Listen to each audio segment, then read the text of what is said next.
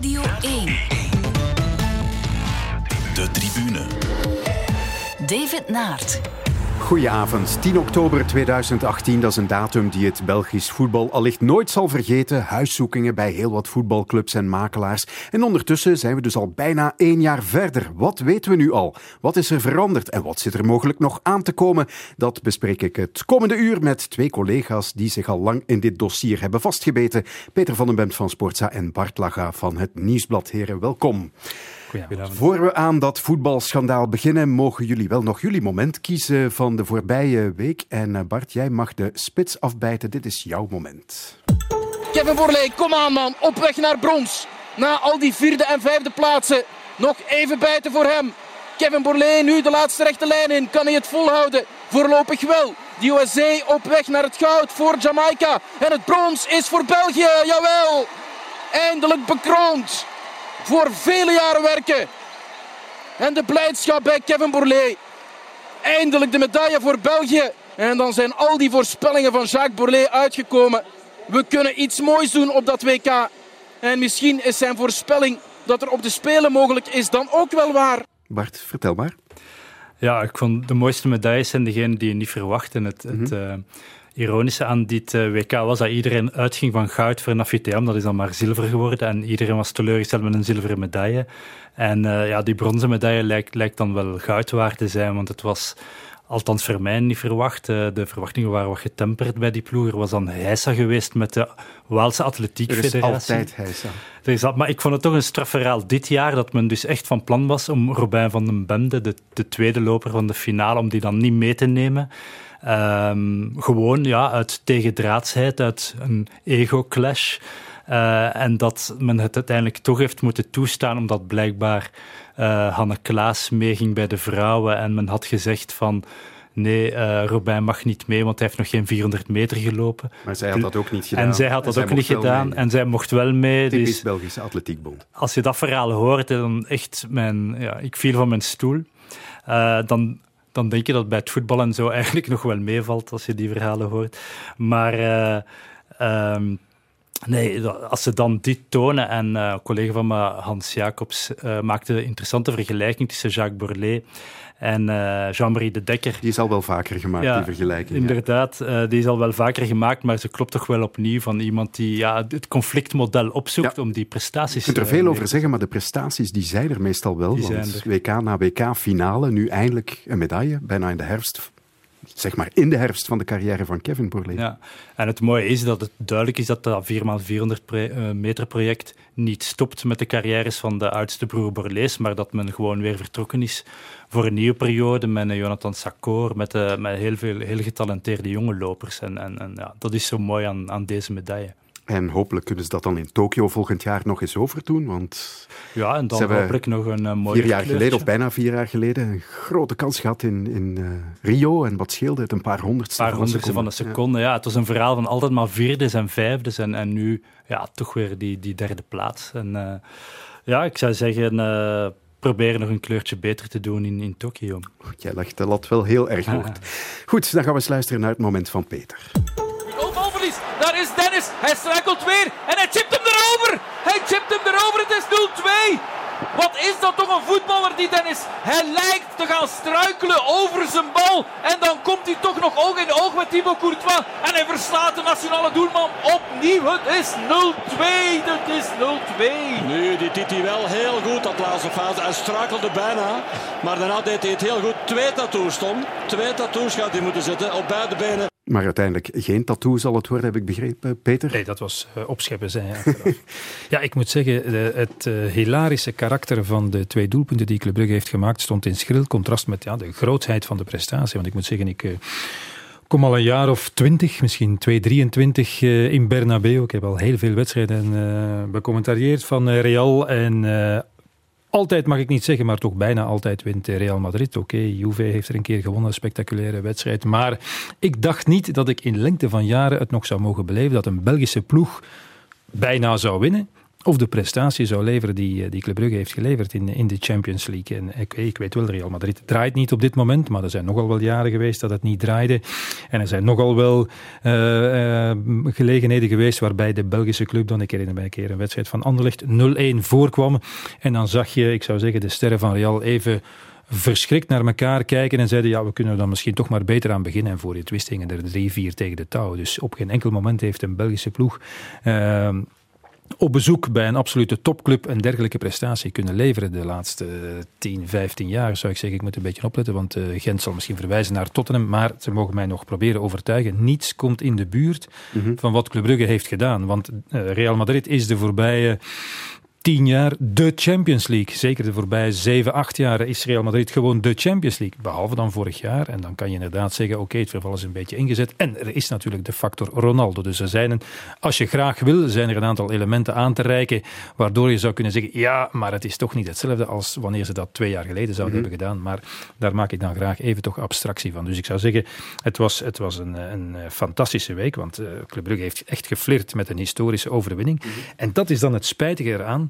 En, en Gert Verrijen was mijn co-commentator. En uh, die heeft al wel een keer 1-1 gespeeld met Club Brugge op het veld van Barcelona. Ja, weinigen herinneren zich dat ja. nog. Weinigen herinneren zich dat nog, omdat het geen overwinning was. Ja. Iedereen weet wel nog 0-1 op het veld van Milan, toen ook regerend Europees kampioen.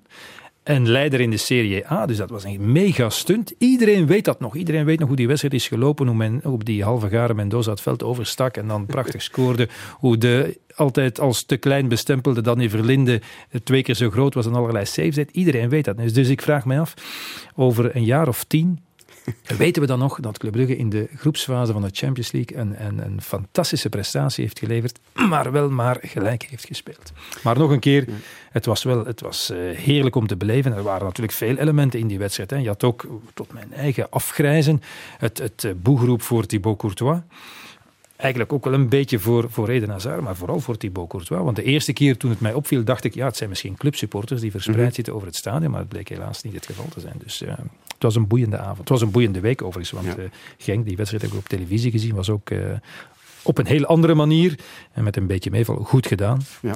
Donderdag was iets minder. Als ik het me goed herinner, Bart, jij zat hier twee weken geleden, geleden ook en toen durfde jij nog te hopen op een gelijkspelletje hè, voor Club Brugge. Wel, ja, ik denk, uh, om op de vraag van Peter te antwoorden, zullen wij ons dit nog herinneren? Ik denk dat dan veel afhangt van het vervolg van deze campagne.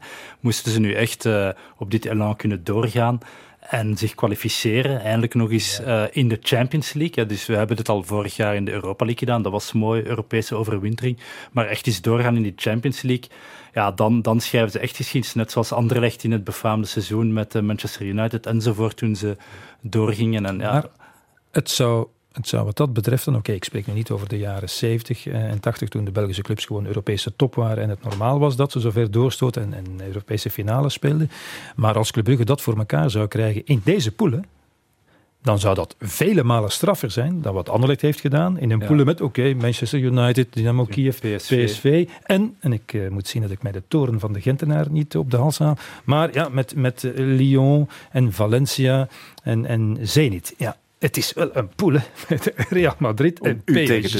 Ja. Dus twee van de, van de grootste en rijkste in principe, machtigste clubs van, van Europa van de, van de voorbije tien jaar in elk geval. PSG. Dus als club daarin slaagt en misschien profiteert van de, van de mindere vorm van, van Real dan, ja, zou het wel heel straf zijn, denk ik. Dan gaan we het dus inderdaad nog verder. De tribune. En dan gaan we het dus hebben over het voetbalschandaal. Dit is een impressie van die bewuste week in oktober vorig jaar. Eén hoofdpunt in het nieuws vanmiddag. Er is een groot onderzoek aan de gang naar de top van de voetbalwereld. Er zijn verschillende voetbalmakelaars, een trainer en ook een aantal scheidsrechters opgepakt. Het parket heeft vandaag meer uitleg gegeven over het onderzoek dat het voert in het Belgische voetbalmilieu. En wat we te horen kregen is niet fraai. 44 huiszoekingen bij negen clubs in ons land, maar ook in het buitenland bij makelaars, bij scheidsrechters en een boekhoudkantoor. Gisteren en vandaag zijn in dit dossier in heel België 29 mensen opgepakt. De bekendste is de trainer van Club Brugge, Ivan Leko. Die is vrijgelaten zonder enige voorwaarden, maar hij is wel in verdenking gesteld voor corruptie. Het onderzoek spitst zich onder meer toe op de wedstrijd Antwerp-Eup En de wedstrijd KV Mechelen-Vaalsland-Beveren van de laatste speeldag van de competitie. Het parket heeft dus aanwijzingen dat bestuursleden van KV Mechelen vorig seizoen geprobeerd hebben om de club in eerste klasse te houden door wedstrijden te laten vervalsen. Ik benadruk nog eens dat de club absoluut als club geen initiatieven heeft genomen. Vanuit de raad van bestuur is er nooit wat dan ook gedaan om, om welke wedstrijd dan ook te beïnvloeden. Zelfs in zoverre dat er een beïnvloeding zou geweest zijn. Dus op zekere dag heeft meneer Velkovic mij gebeld dat ik in de garage was. Ik zeg ja, als hij dan kom ik even langs met een kameraad. En dat bleek dan op dat moment meneer Del te zijn. En als je ziet wat er allemaal speelt op dit moment in het Belgisch voetbal, met de clubs die in opspraak komen, met uh, financiële malversaties, met scheidsrechters die in opspraak komen, dan vraag ik mij toch gewoon af of wij over een week gewoon tot de orde van de dag kunnen overgaan en gaan debatteren over buitenspel of niet. Ja, Peter, zijn we overgegaan tot de orde van de dag? Misschien dat het iets langer geduurd heeft dan een week, maar ja, natuurlijk wel. Als je, uh, en dat is niet nu, dat is al van, uh, laten we zeggen, na nieuwjaar vorig jaar gaan supporters toch weer over tot de orde van de dag. En ik maak altijd de vergelijking met uh, de grootst mogelijke dopingskandalen in het wielrennen. Eens de renners die dan overgebleven zijn beginnen te fietsen, houden mensen toch gewoon van wielrennen. En dat is in dit geval ook het geval. Ja. En de wedstrijden zijn er ook gewoon natuurlijk. Hè. Je kunt ze niet negeren, dus dan gaat het toch maar vaak ik heb, daar Ik heb ooit wel een keer uh, mij afgevraagd of het niet een goed moment zou zijn voor eh, supporters om eens een signaal te geven en eens te zeggen, wij blijven een keer een weekend thuis, maar ik werd net, net uh, weggezet als een dorpsidioot, dus die, dat ga ik niet meer herhalen, denk ik. Maar het had wel gekund om eens te zeggen, wat zijn jullie eigenlijk van plan met onze prachtige sport waar wij zo van houden en waar wij eigenlijk als puur liefhebber nog mee bezig zijn. Niet met geld, niet met copinage, niet met omkoping niet met zakkenvullerij, maar gewoon met het voetbal zelf. Ja. Is jouw beleving, Bart, helemaal veranderd op 10 oktober vorig jaar? Beleving ja, als voetbaljournalist? ja. Absoluut, want de omvang van dat schandaal was toch niet te onderschatten dat je op één en dezelfde dag, uh, als je ziet wie hier allemaal uh, achter tralies belanden. Oké, er waren makelaars bij, maar ook clubbestuurders, er waren uh, er waren scheidsrechters bij, er zijn zelfs collega's van ons ook uh, ondervraagd geweest. Um, het, was, het ging zo breed dat het uh, uiteraard een enorme impact heeft gehad. En ik denk, ja, wat Peter zegt van we zijn snel overgegaan tot de orde van dag. Inderdaad, dat is me ook enorm opgevallen. En dat komt natuurlijk omdat supporters zijn supporters en je kan maar alleen maar je club steunen. Dat is, als je dat niet meer doet, dan ben je eigenlijk geen supporter meer. Dus je kan eigenlijk maar één weg op. Maar toch, ja, voor KV Mechelen is, moet het toch niet, niet makkelijk zijn geweest. En zeker omdat daar de supporters ook nog eens in het bestuur zaten. Um, dat maakte het nog veel moeilijker natuurlijk. Ja. 10 oktober was niet het beginpunt van Operatie Zero, Operatie Proper Handen, zoals het ook wel wordt genoemd. Het liep al enige tijd. Ja, wat heeft dat eh, onderzoek eigenlijk doen beginnen? Wel, de politie is op een bepaald moment onderzoek beginnen doen naar uh, zwart geld in het voetbal, vooral rond de makelaars. En wat was daar de aanleiding Onder andere een panorama-reportage over het zwart geld in het voetbal was een van die triggers. Um, er zijn dan nog andere momenten geweest. Er zijn um, ja, heel snel is de link ook gelegd met een bepaalde vorm van beïnvloeding van wedstrijden, waar men heeft gezien van kijk, die makelaars hebben veel spelers in bepaalde clubs en daar is een risico van ja, dat die spelers misschien niet altijd loyaal zijn aan hun werkgever, de club, maar misschien ook aan hun uh, uh, stalhouder, de, de makelaar, om het zo te zeggen.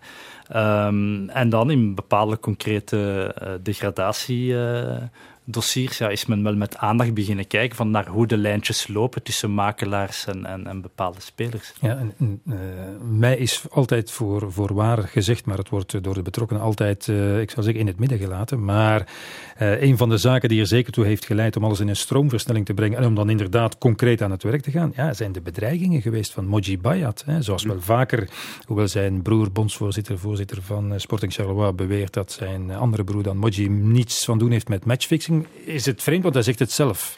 Dus hij is wel vaker bij clubs geweest, weet ik, van die clubs eh, van, van de bazen ervan zelf, om hen te bedreigen. Om te zeggen, als je niet doet wat ik wil, als je niet dit of dat doet, ik zorg ervoor dat je zakt.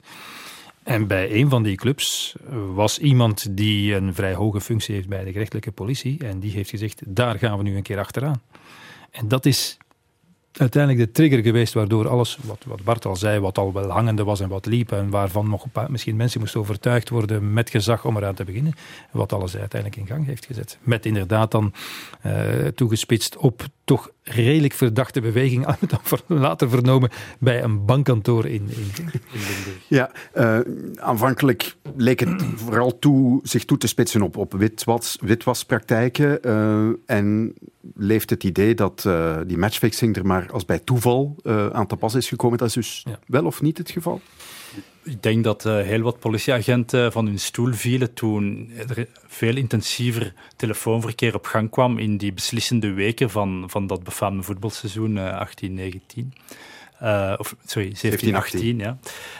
Um, en men dan eigenlijk is meer beginnen tappen, ook op verschillende bestuursleden van die club. Zo, en dan heeft vastgesteld dat die mensen met elkaar ook voortdurend in contact stonden en dat er eigenlijk onafhankelijk van elkaar ja, heel, heel wat afgesproken werd, ook in heel bedekte termen gesproken werd. Uh, je kan telefoontaps tegenwoordig nalezen. Ik nodig ook iedereen uit om dat eens te doen en een keer eens voor zichzelf uit te maken van wat voor sfeer was dat eigenlijk in die dagen op de website van het BAS. Hè, de, beslissing van het BAS in de zaak uh, KV Mechelen Waasland Bever staat online. Daar kan je de, gewoon die gesprekken volgen en daar zegt men tegen elkaar van ja, ik ga je nu uh, terugbellen via FaceTime of via WhatsApp. En ja, dan kan je wel geloven dat het dan was omdat men geloofde dat men afgetapt werd en, en dat men dan via die versleutelde gesprekken niet uh, afgeluisterd kon worden. Dus ja, dat en je gebruikt Bart, ook alleen maar codetaal, wat ze ook deden. Hè? Ja.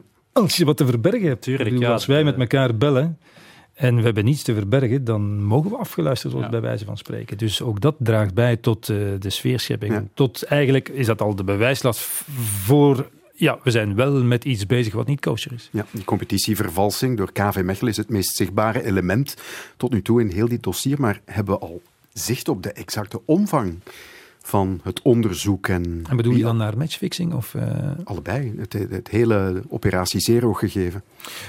Want, maar, maar, maar uh, want het is, het is lang stil geweest uh, rond het onderzoek en dat vond ik uitstekend nieuws. Mm. Het was beter dan wanneer het uh, elke dag bij wijze van spreken, elke verklaring in de krant terecht kwam. Dus het is zeker niet zo dat de speurders hebben stilgezet. Integendeel, natuurlijk, wat het Luik Velkovic betreft, die heeft verklaringen afgelegd. Uren aan een stuk. Ja, alles wat die man zegt, elke beschuldiging die hij uit, want daarover gaat het uiteindelijk toch, aan het adres van anderen, ja, dat moet gecheckt worden. Mensen moeten ondervraagd worden, moeten rekeningen uh, uh, onderzocht worden, er moet naar het buitenland gereisd worden, er moeten stukken aangevraagd worden, er moet uitwisseling gebeuren. Dus dat is een, een werk van vele, vele maanden. Dus dat, dat gaat, daar gaat nog wel een paar maanden over gaan. En daarnaast heb je nog een luik van, van matchfixing, mm -hmm. hè, want er zijn andere wedstrijden ook nog genoemd vrij concreet eigenlijk, met de manier waarop het ook is gelopen. Alleen laat ik mij vertellen dat dat, dat waarschijnlijk met een sisser gaat aflopen, dat onderzoek. Omdat het ongelooflijk moeilijk is om matchfixing hard te maken, hard genoeg, om het voor een rechtbank, voor een rechter, eh, om er een veroordeling uh, aan te, te, kunnen koppelen. Want de enige reden waarom het uh, de wedstrijd Waasland-Beveren, of KV Mechelen-Waasland-Beveren, dan toch is vervolgd kunnen worden. Helaas misschien niet met de juiste afloop, maar was omdat het op, tap, op uh, tape stond. Ja. En als je dat niet had gehad, dan was hier ook niets van gekomen. Mm. En dat is het probleem in, in al die andere wedstrijden die worden genoemd. Ja, en sterker, als je dan kijkt naar inderdaad de wedstrijd KV Mechelen-Waasland-Beveren, er waren taps die zijn uitgeschreven pagina's lang en zelfs ook dat is, is niet genoeg voor som, want de advocaten van KV Mechelen zeggen het is maar een selectie van de mm. taps, het is interpretatie. De context We ontbreekt. moeten luisteren.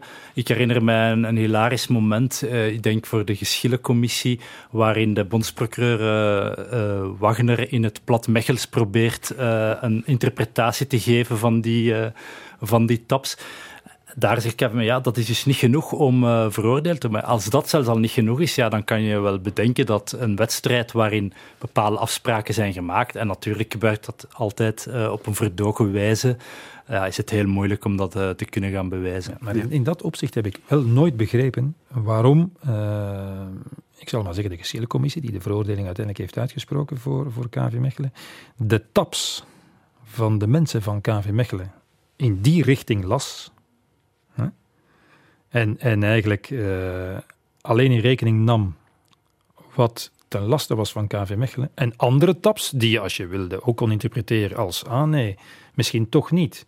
Die telden niet. En ja. bij Waasland-Beveren, bij uh, Huik met name, hè, die een geweldige uh, show heeft opgevoerd, moeten we hem nageven. Ja, mm -hmm. dus, de Oscar van de propaganda krijgt het ervoor. Daar waren ook zeer duidelijke gesprekken hè, met onder meer Sols, onder elkaar, waaruit ook duidelijk bleek dat ze dan toch vreemd genoeg wat van plan waren. Daar werd gezegd, ja, maar ze hebben de indruk gegeven aan KV Mechelen om mee te werken, terwijl in die bewuste gesprekken er niemand van KV Mechelen aanwezig was. Dus je hoefde in die gesprekken niet de indruk te wekken dat je mee wilde. Dus dat heb ik altijd wel vreemd gevonden. Dat de ene zo werd geïnterpreteerd en dus veroordeling, de andere ander. Het is heel moeilijk om als media daar uh, te gaan oordelen over wie, wie was er nu? Maar ik nodig echt alle luisteraars eens uit om, om zelf eens te gaan lezen. Als je veel tijd hebt. Hè? Als je veel tijd hebt. Uit, bijna een boek. Maar ja, het, is, wel, zeer boeiende lectuur. Ja, het is zeer confronterend. De tribune. Je luistert naar de tribune en mijn gasten vanavond zijn Peter van den Bemt van Sportza en Bart Lacha van het Nieuwsblad. En het gaat vandaag over het voetbalschandaal dat één jaar geleden uitbrak. Ik benadruk nog eens dat de club absoluut als club geen initiatieven heeft genomen. Vanuit de Raad van Bestuur is er nooit wat dan ook gedaan om, om welke wedstrijd dan ook te beïnvloeden. Zelfs in zoverre dat er een beïnvloeding zou geweest zijn. Hoe dan ook, de supporters zijn woedend. Ze voelen zich al jarenlang bedot door het bestuur en dit kan er niet meer bij. Ik voel me serieus, serieus bedrogen door de club. Hè? Ik heb echt ik heb 15 jaar geleden ook 1000 euro van mijn spaargeld gegeven. Hè? En dat is een paljas. Dat alles om ziet laten gaan. Echt waar.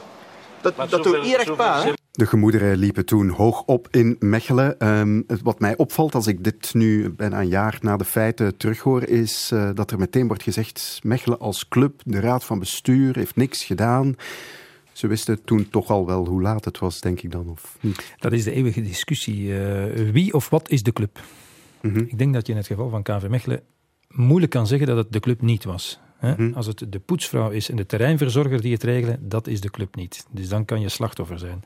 Maar ik ben er wel van overtuigd dat er in die club, in die raad van bestuur, een heleboel mensen niet op de hoogte waren. En dat die zich ongelooflijk bekocht hebben gevoeld natuurlijk door de demarche van een paar individuen. Alleen als die individuen die functies hebben binnen de club, ja, dan is het natuurlijk nooit in de club. Ja, ik bedoel, als je dan zegt, ja, dit is nu niet Dan is het te makkelijk. Ja, dat, dat, ja, dat is te makkelijk. Maar, maar er, is, er is ook een andere kant aan. Uh, wat dat betreft kan, kan je dan altijd ongestraft wegkomen. Als, je, als je zegt van het is, het is niet de club, maar het zijn individuen, ja, dan kan je nooit nog een club veroordelen en is, zet dat de deur open voor ja, een soort misbruik natuurlijk, mhm. waardoor die dan wegwandelen en het is voorbij. Dus dat is niet zo makkelijk, denk ik.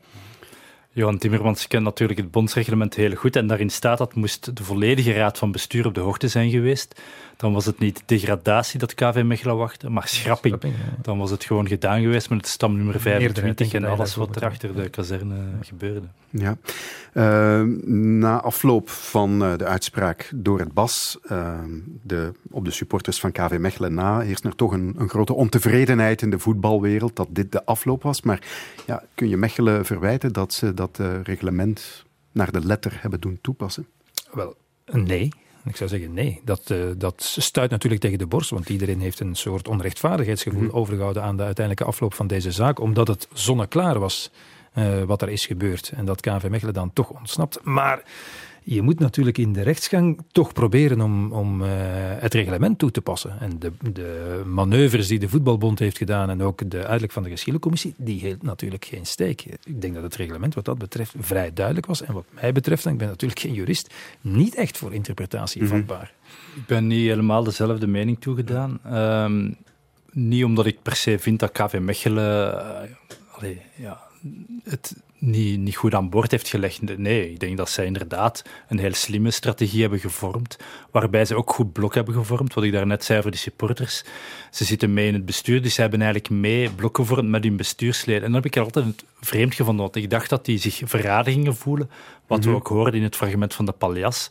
Maar dat zijn stemmen die je niet meer zoveel hoort bij Mechelen. Nu heerst, heerst, meer de sfeer op de tribunes. En misschien dat jij als geboren Mechelaar daar uh, uh, ik heb vooral gemerkt dat er een bijzonder grote opluchting was dat ze niet moesten zakken. En dat er ook altijd met veel boosheid is gekeken naar het wedstrijdverloop in Eupen naar, naar de individuen ook, die het hebben mispeuterd toch ook? Ja, zeker, want ik herinner mij, ik was op de bekerfinale en dat viel mij op dat een half uur of wat, uh, of, of 10, 15 minuten na, na de huldiging, dat Olivier Somers en Johan Timmermans met die beker de piste rondwandelden. En dat werd echt niet op gejuich onthaald door de Mechelse supporters.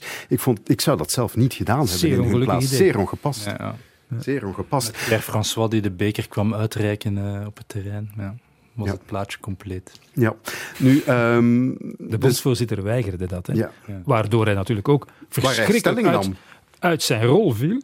Want dus als, als voorzitter van de voetbalbond eh, sprak hij daar al een oordeel uit, nog voor de rechtsgang had plaatsgevonden. Ja. Dat is onvoorstelbaar dat, Dus- hij dat, dat hij dat doet. Ja. En zegt, ik reik de beker niet uit aan, aan overigens een elftal en een trainer die er ook voor helemaal niets mee te maken had. Dat is hallucinant, vond ik dat. Ja. Nu, ehm, het disciplinaire gegeven is afgerond, of toch bijna. Want wat nu met de licentie van KV Mechelen? Eh, morgen buigt de licentiecommissie zich over eh, het verzoek van Beerschot Ja. om eh, dit seizoen nog de licentie af te nemen van Mechelen. Als je naar het reglement gaat kijken, ja, dat is ook weer vloe. Hè? Ik zal het even lezen. Er staat, de licentie zal niet worden toegekend aan een club waarvan minstens één van de verbonden juridische entiteiten is veroordeeld wegens daden van competitievervalsing of medeplichtigheid daaraan. Ja. Maar daar wordt geen termijn bij gezet. Is dat dan ten eeuwige dagen dat dat blijft? Eh, hoe, ga- hoe gaat dat, aflopen? Inderdaad, ja, we gaan weer vertrokken zijn voor een mooi rondje eh, eh, interpretatie van het bondsreglement. Eh, morgen gaat het voor alle duidelijkheid over ehm, de licentie voor dit seizoen, die KV Mechelen dus al gekregen heeft in april. En waar Beerschot pas een klacht tegen heeft ingediend na de uitspraak van, eh, de, van het BAS. Ehm, en ik denk dat de kans heel klein is dat de mensen van de licentiecommissie gaan zeggen: Oké, we gaan KV Mechelen uit deze competitie nemen. Ik denk dat ze die moed niet zullen hebben. Het is iets anders naar volgend jaar toe. Ehm, dan zal in maart, april eh, er worden geoordeeld de licenties. En ja, als je natuurlijk ehm, de, de reglementen volgt, ja, kan KV Mechelen die licentie niet krijgen, op, lijkt op het eerste gezicht. Maar KV Mechelen is nu al, daar hebben we ook morgen in de krant een stuk over, al alles aan het doen, uiteraard, om alle banden met de mensen die veroordeeld zijn helemaal door te knippen. Er is ook sprake van een nieuwe structuur.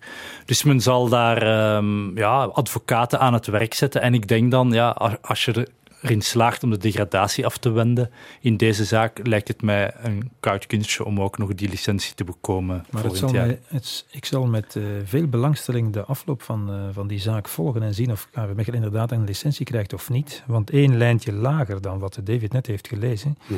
is dezelfde straf voorzien voor clubs van wie leden van de Raad van Bestuur zich schuldig hebben gemaakt aan fraude, witwassen, Witwassen, ja. financiële malversaties. En zoals we weten, zijn er misschien wel een aantal clubs in ons land die wat dat betreft eh, eh, boter op het hoofd hebben. Dus als dan weliswaar over vijf, zes, zeven, acht jaar, wanneer alle rechtsmiddelen zijn uitgeput en blijkt dat de veroordeling van, van een club definitief is, of van een aantal leden daarvan, ook het jaar daarop volgend, krijgt die club dan geen licentie. Dan zou het wel eens kunnen dat we in 1A met een ploegje of eh 7, 8 spelen. En of dat 1A is afgeschaft, de 1A en B samen, ik weet het niet precies. Het zal in elk geval een zeer doeltreffende maatregel zijn om het eh, te veel aan clubs eh, op te lossen. En de rest speelt in amateur. Dus degenen die nu gretig zijn om KNV Mechelen veroordeeld te zien, ja, houden toch maar beter een slag om de arm, lijkt mij. Laten we dan maar meteen doorgaan naar eh, dat onderzoek naar witwaspraktijken. Wat weten we daar eigenlijk op dit moment al van? Ja, we weten al heel veel in die zin dat. En daar heb je ook het, het luikje met Moji Bayat, hè, want wa- waar iedereen dacht van er is hier eh, matchfixing waarschijnlijk aan de Franstalige kant. Nee, daar is niks van langs de Franstalige kant. Maar wat we daar wel gezien hebben is dat er een Moji Bayat een luik van, van eh, zwart geld zit. Eh, maar ook bij Dejan Velkovic, en dat is al heel goed gedocumenteerd. Hè. We weten de, zijn manier van werken, hoe hij clubs liet betalen Mhm. voor scoutingovereenkomsten en dan op die manier geld ging afhalen van buitenlandse rekeningen, dat cash dan naar zijn trainers bracht. Eh, onder andere Peter Maas is bijvoorbeeld iemand waarvan we weten dat hij voor honderden duizenden euro's aan zwart geld verdiend heeft eh, in zijn carrière. Maar dan is er nog ja, op dit moment Dejan Velkovic als spijtoptand, die alles moet verklaren. Hij moet volledige verklaringen, volledige en waarachtige verklaringen afleggen. Die zijn nog altijd bezig zelfs. Ik denk dat hij Nee, ze, nog zijn, niet zo lang... ze zijn afgerond. Ja, oké, maar zijn statuut als eh Spijtoptand. spijtoptand is nog niet ten einde. Dus men is nog zaken aan het natrekken. Dus men is, Natrekken, ja, ja, men is- men is het dossier ehm, nog allemaal aan het bekijken. En dat zal, ja, Dejan Velkovic heeft een heel lange carrière in het Belgisch voetbal. Destijds met Liers onder andere begonnen. Die club bestaat nu niet meer. Uh, Loker lange tijd, KV Mechelen makelaar geweest. Maar er zijn ook grotere clubs die met hem zaken hebben gedaan. We hebben Racing Genk, waar Peter Maas trainer is geweest. Club Brugge heeft zich onlangs nog, uh, heeft de top van Club Brugge moeten verklaringen afleggen. Uh, dus we gaan zien wat daar allemaal uit de bus komt. Maar het is, lijkt me duidelijk dat Dejan Velkovic heel wat mensen in het Belgisch voetbal in last aan het brengen is. En zijn er dan echt clubs die zich zorgen maken op dit moment? Het hangt er natuurlijk vanaf. Ik heb ook begrepen van de mensen van Club zij, zijn, wij zijn 100, zij, zij zeiden, wij zijn 100% op ons gemak. Alles is reglementair verlopen. Ze hebben destijds, uh, vorig jaar, in de, in de periode na het uitbreken van propere handen, hun boekhouding laten doorlichten door externen. En die, dat bleek allemaal te kloppen. Alleen is mijn bedenking daarbij, en ik heb begrepen dat ze in Hasselt ook, uh, en niet alleen Club Brugge, er zijn nog clubs die de revue zijn gepasseerd en, en er zullen er nog volgen, wel uh, ethische lessen hebben gekregen. Om te zeggen van, ja, als je natuurlijk een factuur krijgt van scouting en je weet dat het eigenlijk niet echt bedoeld is voor scouting, maar wel een soort constructie om aan, niet natuurlijk aan je eigen trainer, dat wisten ze niet, maar om andere mensen te betalen. Ja, dan ben, ben je minstens toch, heb je het minstens toch gefaciliteerd. Ik weet van één club die voor een bepaalde transfer van een speler voor een half miljoen aan scoutingsfacturen heeft betaald. Een half miljoen. Ik dacht dat scouts uh, voetballiefhebbers waren die in hun auto overnachten en op Mars en cola overleden, maar een half miljoen. Dan is dat waarschijnlijk allemaal perfect in regel met de boekhouding voor elke factuur, voor elke betaling is een factuur en een scoutingsverslag. Maar, maar, realistisch is dat natuurlijk. Maar kan dan worden aangetoond, bewezen worden dat het om witwassen gaat? En dat kan er daaruit een straf volgen? Dat, ja, dat, ja, geen idee. Geen idee. Dat, moet dan, dat is precies wat, wat men nu doet. Hè, want Velkovic heeft dat ondertussen allemaal wel verklaard. Hè. Hij zal gezegd hebben, ja, ik heb dat gedaan, maar het was eigenlijk daarvoor dat die som aan die uh, speler gegeven. Er is een lange lijst met namen die Velkovic heeft genoemd en de bedragen die hij aan, uh, aan hen heeft gegeven. Hè, want ik heb het op de radio al eens uitgelegd. Hij had een geweldige boekhouding en een geweldig geheugen. En dat, dat, was voor elke transfer een fartje met het witte gedeelte, maar ook met het zwarte gedeelte. Waarbij bij elke overgang, elke contractwijziging, elke verlenging stond wie wat had gekregen.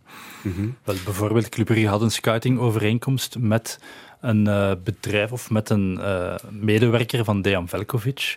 Uh, maar, maar daar zegt men bij Club maar kijk, ja, die mens deed ook echt scouting voor ons in de Balkan, wat inderdaad een streek is waar wel al eens een voetballer uh, van in, op onze velden terechtkomt. Ja, dat zal het onderzoek moeten uitwijzen natuurlijk. Uh, ik denk dat um, ja, Dejan Velkovic bij bepaalde clubs hè, heeft hij heel veel gedaan en voor heel grote bedragen. En dat er weinig twijfel over kan zijn dat um, ja, bepaalde trainers die in ons voetbal actief waren gigantisch veel geld in het zwart hebben verdiend, dat, lijkt me wel duidelijk. In welke mate dat de clubs daarvoor zullen moeten opdraaien uh, in het kader van die licentie. Ja, je kan ze, zoals Peter zegt, moeilijk allemaal uh, beginnen uitsluiten. Hè. Uh, misschien dat de licentiecommissie zich nog wel stoer zal opstellen, maar dan heb je nog altijd het BAS en die kan een totaal andere beslissing nemen. Dat hebben we ook al vastgesteld in het dossier van de matchfixing. -hmm. Dus ja, goed, ik, ik, verwacht er niet veel van. Ik hoop natuurlijk dat de cultuur wel verandert, uh, want we spreken hier wel over um, ja, misschien nieuwe regels voor makelaars op te stellen.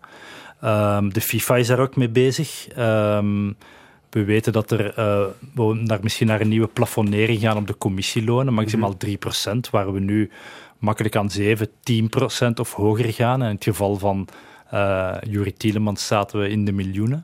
Um, dat zou al de FIFA um, beperken.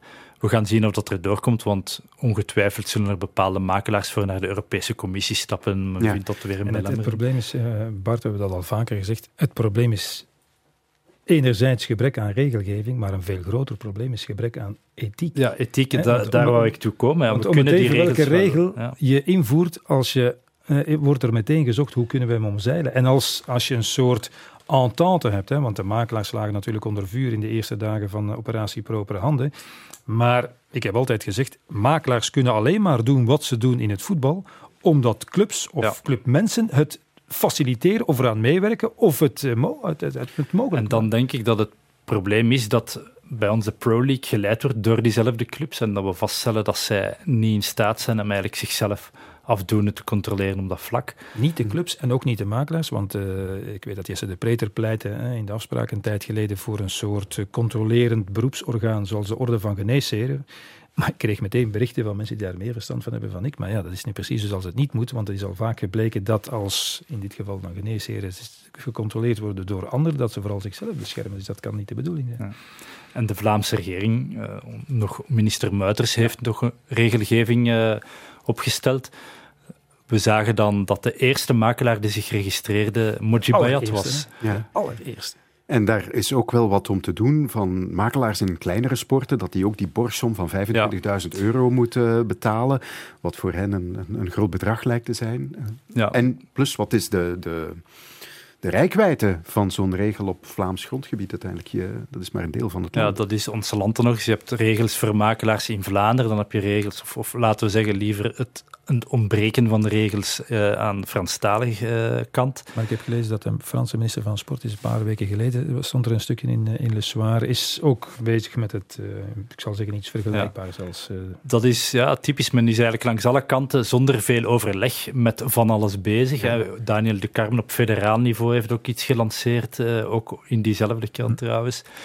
De FIFA, zoals ik al zei, dat zal dan ook moeten geïmplementeerd worden op Belgisch niveau allemaal regels, maar wat gaat het opleveren? Um, zoals je zegt, het is geen probleem van regels, het is een probleem van moreel eh, en ethisch gedrag. En ik zie niet meteen signalen in het Belgisch voetbal dat daar iets veranderd is. Als ik zie dat de voorzitter van de voetbalbond, ja. de heer M. Bayat, uh, hij mag dan wel zeggen van... Uh, ik ben het is niet mijn fout dat dat mijn broer is, maar ik vind dat toch niet echt een hoopgevend signaal. Daar zullen we het zo meteen nog over hebben, maar uh, ik wil nog even terug ook naar de, de aanpak van het probleem. Uh, in de nasleep, in de onmiddellijke nasleep van uh, het voetbalschandaal kondigde de Pro League eigenlijk ook een heel aantal maatregelen aan en daar kwam enorm veel kritiek ook op. Uh, de Belgische mededingingsautoriteit heeft nu pas eigenlijk haar goedkeuring gegeven na, na wat aanpassingen, omdat het blijkbaar niet letterlijk maar, bleek te zijn. Maar... Het, het, uitgangspunt van, van uh, de Pro League, en ik hm? wil, nog, ik wil nog geloven dat ze het met de beste bedoelingen deden, het uitgangspunt was, uh, het is allemaal de schuld van de makelaars en we moeten de makelaars aanpakken en aan banden leggen. Dat was al een verkeerd uitgangspunt, want zoals ik zei, eh, ze zijn er zelf minstens mede, medeplichtig aan geweest.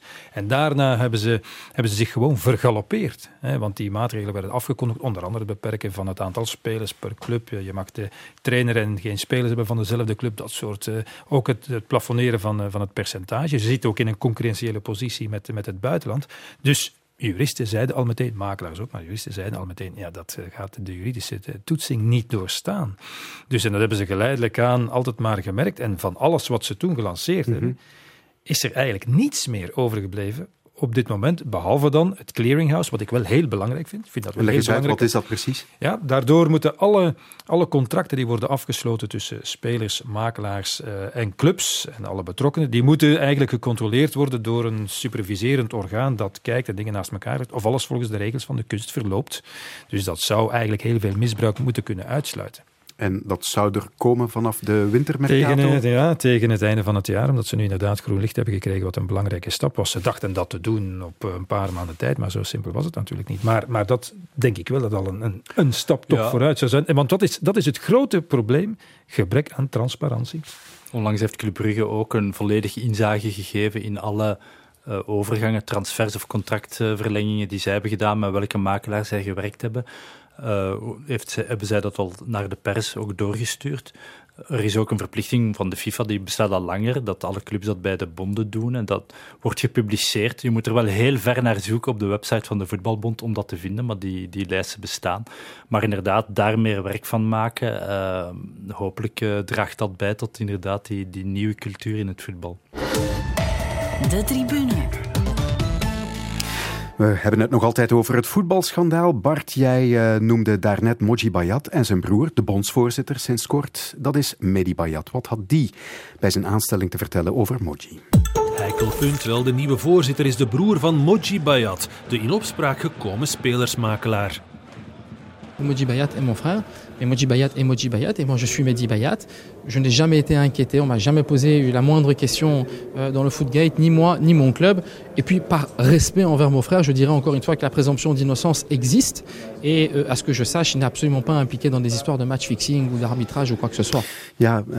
Hij zegt uh, waar jij je aan ergerde, denk ik, hè, van uh, het vermoeden van onschuldgeld heeft niks te maken, voor zover ja. ik weet, met matchfixing, uh, en dat is ook zo, manipulatie. Het, vermo het, vermoeden van onschuld dat, moet inderdaad gelden. Maar, je maar kan, het gemak waarmee je eroverheen stapt. Ja, en je kan ook niet verwachten van ja, iemand... En we weten ook uit het onderzoek dat beiden ook geregeld contact hadden met elkaar. want ja, dan moest men altijd een tolk vanuit het Iraans natuurlijk inschakelen om, uh, om hun gesprekken te kunnen volgen.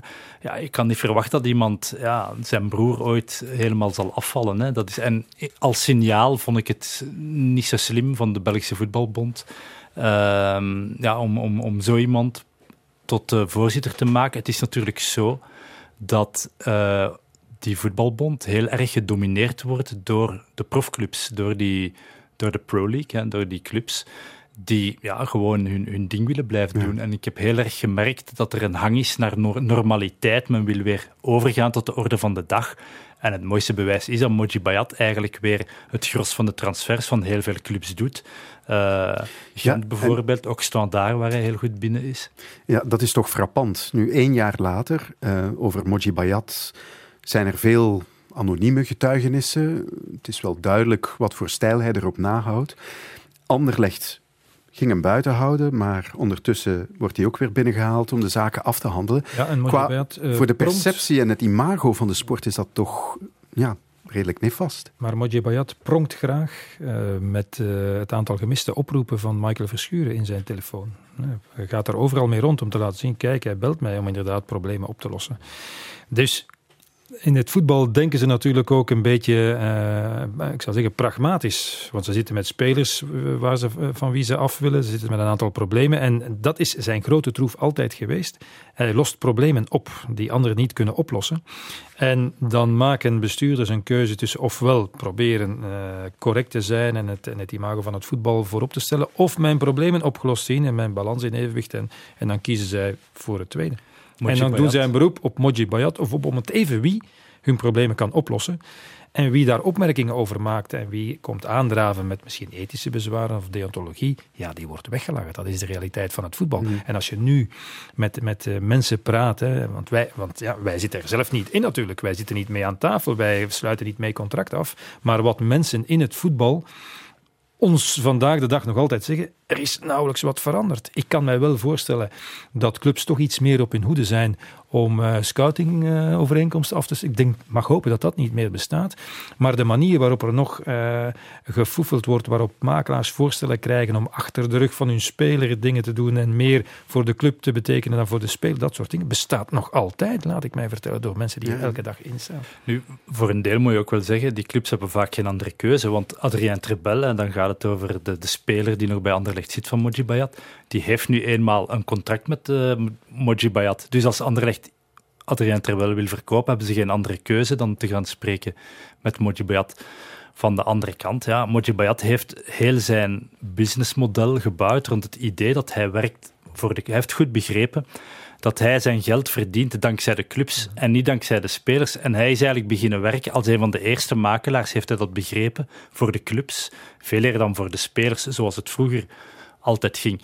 Uiteraard zijn de clubleiders nog altijd heel blij om met hem te kunnen werken, want ze krijgen voor, voor hij is als een broker uh, die altijd de beste rate uh, vindt voor hem. Ja. En, Mag jij eens een voorbeeld geven? Als een speler beslist, ik wil naar Waasland Bever gaan.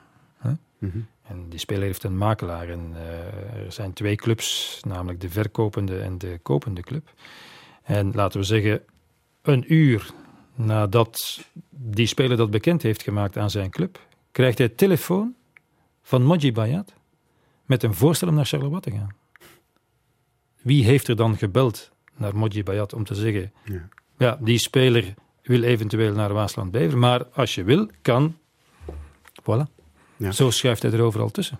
Zal het gerecht hem iets kunnen maken? Moji Bayat? Ik laat mij uitleggen dat het uh, zeer, zeer ingewikkeld is. Want uh, anders dan Velkovic, die alles vertelt, vertelt hij helemaal niets. En dus het is een onwaarschijnlijke kluwen, internationaal vertakt. Het is financiële spitstechnologie. Want het is een, een bovenmatig intelligente man natuurlijk, die daar gebruik heeft gemaakt van zijn kennis om alles, ik zal maar zeggen, te verstoppen. Ik, ik liet mij zelfs vertellen dat op, op de dag dat ze zijn hardware in beslag hebben genomen, want hij schijnt alleen maar met uh, telefoons te werken, met heel grote capaciteit, dat men er dus moeilijk in, uh, in, geslaagd is om dat over te zetten naar de servers van, van de politiedienst. Want na x aantal uur, na 10 of 15 uur, kregen ze plots een foutmelding. Dus ze hadden onvoldoende capaciteit. Uh, ze hebben capaciteit moeten bijkomen op, kopen om alle gegevens van Moji Bayat eigenlijk alleen al maar op hun computer te krijgen. Dus... Het zal, het, zal, ja, het zal niet simpel zijn. Hij gebruikte ja. ook altijd WhatsApp om te bellen. Uh, voor de eenvoudige reden dat het uh, gecrypteerd is of ja. encrypted is. Um, niet afluisteren. Nee, en uh, ja, dat maakt, dat maakt het voor de politiediensten heel moeilijk. En Dejan Velkovic was dat wat dat betreft misschien nog meer huistuin- en keukenklusser. en ik denk, ja, en ik, ja, ik ga zeker niks insinueren, maar ja, men heeft zich altijd de vraag gesteld: en hoe komt het dat langs de kant van Moeskroen bijvoorbeeld, dat men daar nooit iets gevonden heeft? Ja, dan denk ik dat dat, als je dat misschien jaar in jaar uit uh, een gewoonte van hebt kunnen maken om bepaalde zaken te regelen in jouw voordeel, dat je op de duur wel weet hoe je het moet aanpakken en dat misschien, ja, wat je dan van KV Mechelen en Waasland Bever hebt kunnen zeggen, dat ze misschien nog wat iets amateuristischer ja, te werk zijn gegaan. Dus dat zeg ik ook. Ze hebben het natuurlijk veel slimmer gedaan. Veel en veel slimmer. Mm -hmm. Het is overigens opvallend hoeveel mensen ondertussen WhatsApp gebruiken in het voetbal. Ook mensen die mij gewoon bellen over onschuldige dingen, bellen plots met WhatsApp. Ja. Mogelijk ook omdat het gratis is, maar ik denk het niet. Is dat dan de grootste verandering sinds 10 oktober 2018? Want dan is het toch maar bitter weinig. Het probleem is ook als je als, uh, als journalist dat dan aan de kaak stelt, hè, of daar dingen over zegt of schrijft, ja, word, je, word je scheef bekeken in het voetbal. Want dan ben je eigenlijk een nestbevuiler. Ja. En, en, wat Bart al zei, hij heeft de indruk, iedereen heeft de indruk, we willen graag weer overgaan tot de orde van de dag. En misschien dat het toch allemaal een, net een, een financieel dan een beetje properder is geworden, omdat ze nu weten, want dat is het probleem geweest. Iemand zei mij, dat was vroeger in de transportsector ook zo. Ze dachten, wij kunnen alles. Niemand doet ons wat. Dat hebben ze in het voetbal ook altijd gedacht. Ik mag aannemen dat dat niet langer het geval is. Er ja. zijn er toch die beseffen van, oei, wij kunnen ook gepakt worden. Dus ze zijn misschien wel wat voorzichtiger. Maar dat het, dat het nog altijd zijn gang gaat, ja, dat denk ik. Ja. Maar als men toch orde op zaken zou willen stellen, de overheid, die heeft wel een hefboom.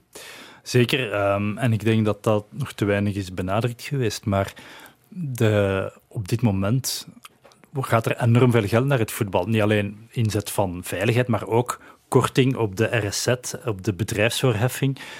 Dus op dit ogenblik um, heb je twee heel sterke hefbomen in, in handen om de clubs uh, tot de orde te roepen. En ik denk dat ze er als de dood voor zijn dat ze die voordelen gaan verliezen nu. Voor de verkiezingen is er al een beetje over gesproken geweest. We gaan nu zien in de regeerakkoorden, Vlaamse federaal, wat er uh, over gaat instaan. Maar daar zijn uh, duidelijk twee middelen om, uh, om de voetbalclubs een duidelijk signaal te geven van, vanuit politieke hoek. Oké. Ons uurtje de tribune zit er al bijna op, maar aan het eind van de uitzending vraag ik altijd nog waar jullie naar uitkijken de komende week. En dat ga ik nu ook doen. Wel, ik ben uh, eerlijk gezegd nogal in die propere handen-modus. We gaan uh, met het nieuwsblad ook een aantal afleveringen opnieuw over Moji Bayat en Dejan Velkovic enzovoort uh, publiceren. Dus daar ben ik nu op dit moment heel erg door bezeten. En Peter? Ik hoop dat ik deze week ergens tijd vind om opnieuw te gaan fietsen. Dat mag weer. Maar het weer, weer is niet, niet goed ideaal. en veel, veel werk kondigt zich aan. Dus, Oké, okay, voilà. dankjewel Peter en Bart. Dit was de Tribune. Fijne avond nog.